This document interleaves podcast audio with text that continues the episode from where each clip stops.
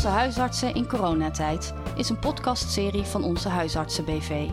Een ontzorgende en ondersteunende organisatie van, voor en door aangesloten huisartsen in de regio Arnhem en omgeving. Deze serie is het inhoudelijke jaarverslag van 2020 en staat grotendeels in het teken van corona. Wat betekende het voor het werk van onze huisartsen en huisartsenpraktijken? Voor de samenwerking met partners? En wat nemen we mee in onze professionele bagage richting de toekomst?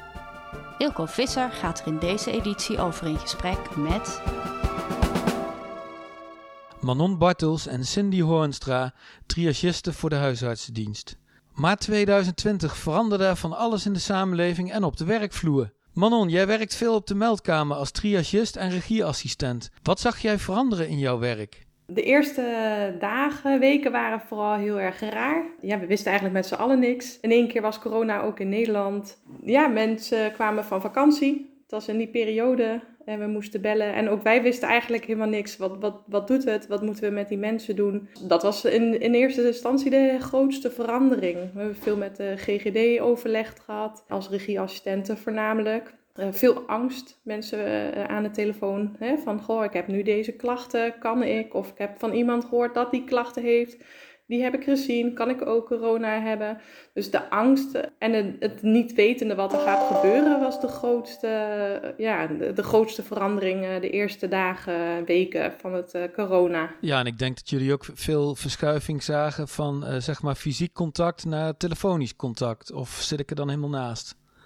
Nou, dat was in het begin nog niet direct zichtbaar. Dat is eigenlijk pas wat later geworden. Op een gegeven moment merkten wij ook dat het meer gestroomlijnd werd. Op een gegeven moment hadden de GGD en de RIVM wat meer grip op hey, wat, wat is dit en wat moeten we met de patiënten en wat worden leefregels daarbij.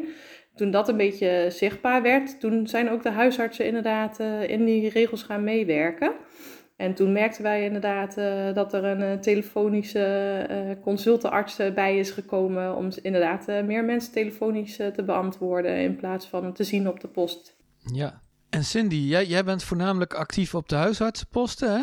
Uh, hoe zag je jouw werk veranderen in coronatijd? Nou, ik ben er een beetje later ingerold, omdat ik zelf uh, in die periode ziek thuis zat. Dus de eerste hele grote piek, die onzekerheid die Manon net heeft genoemd, die heb ik een beetje van de zijlijn meegekregen. Maar er was wel ook onduidelijkheid op de posten, want het veranderde eigenlijk bijna iedere week. Van wat, wat de afspraken waren, hoe te handelen, welke materialen je moest gebruiken, uh, hoe jezelf uh, te kleden, te beschermen.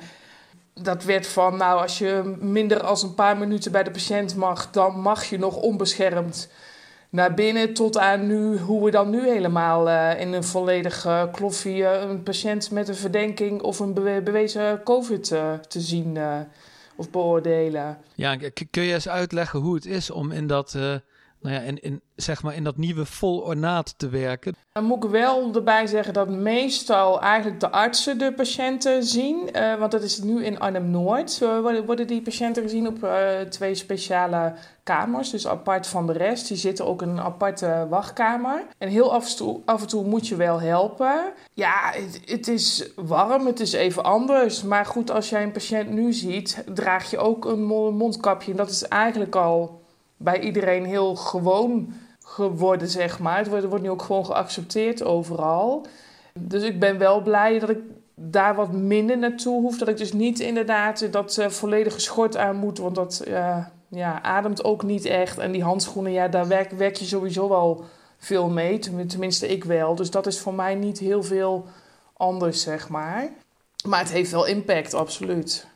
Uh, Manon, als, als je nou eens terugkijkt, hè, het laatste jaar, is, is er nou iets wat jou altijd zal bijblijven in wat, wat er in je werk is gebeurd? Ja, ik denk wel de gesprekken van de, uh, de kinderen die belden, waren beide ouders, soms ook wel oud, maar gewoon beide terminaal lagen, er geen hulp was. Wij als huisarts wel konden gaan kijken, maar die mensen waren te oud om opgenomen te worden. Thuiszorg kwam niet op gang, want ja, wie wil er nou naar COVID-patiënten zomaar naar binnen?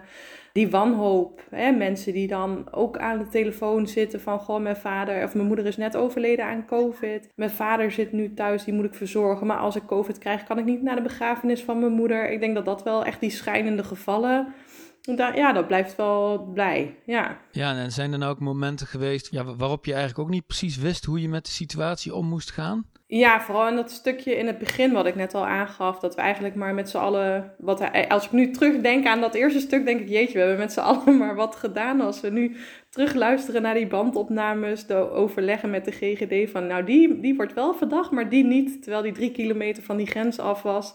Ja, dat is wel heel, heel grappig om terug te luisteren hoe we het gedaan hebben met z'n allen, denk ik. Maar ik denk wel dat we ons met de volle 300% hebben ingezet om wel de patiënt in ieder geval de juiste zorg te kunnen geven.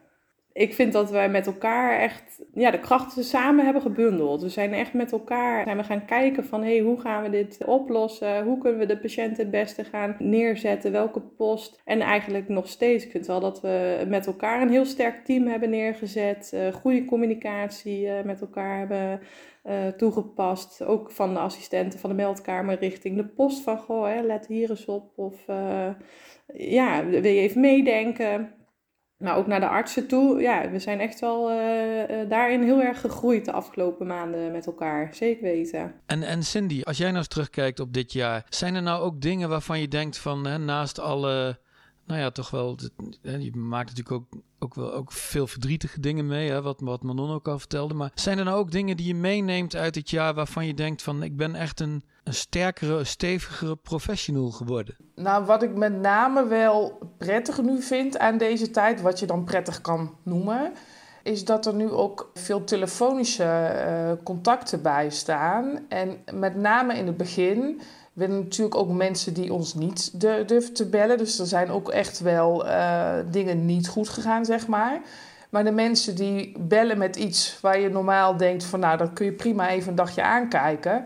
Die hebben in het begin ook niet gebeld. En dat scheelde aan de telefoon ook wel, dat je ook gewoon wel de serieuzere gesprekken kreeg. En als je zoiets had van, nou ja, ik kan er misschien niet echt wat mee, maar het is toch wel fijn dat een arts nog even met die mensen spreekt. Dan kun je nog steeds een eh, telefonische consult inzetten. En dat vind ik wel heel prettig. Dat je soms toch denkt van nou, iemand hoeft eigenlijk niet te komen. Maar de arts kan dan toch nog even een aantal vragen stellen. En dan is die patiënt alsnog geholpen. En het scheelt toch weer een consult op de post. Ja, dus dat je ook echt hebt geleerd dat je dus ook telefonisch toch ook makkelijker kunt doorvragen. Ja, dat je toch bepaalde dingen, dat je dan toch mensen of eventueel wat extra medicatie, uh, dat ze dat mogen innemen, dat je het dan zo toch nog kan uitstellen, zeg maar. Of het uh, doorgeeft aan de eigen huisarts, dat het wel verder opgepakt wordt. Maar niet iedereen hoeft altijd gezien te worden. En ik denk dat dat voor de patiënten ook heel prettig is. Ze krijgen toch hun antwoord, zijn toch geholpen. En ik hoop eigenlijk dat dat stukje met uh, dat, die telefoonarts, dat dat eigenlijk wel erin blijft, zeg maar.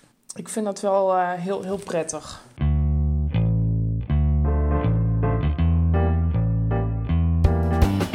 U luisterde naar de podcastserie Onze huisartsen in coronatijd. Presentatie en montage Ilko Visser. De muziek is van Marianne Huiskamp. Mocht u meer informatie willen over onze huisartsen of meer afleveringen in deze serie willen beluisteren, ga dan naar www.onzehuisartsen.nl. Wilt u feedback delen? Graag!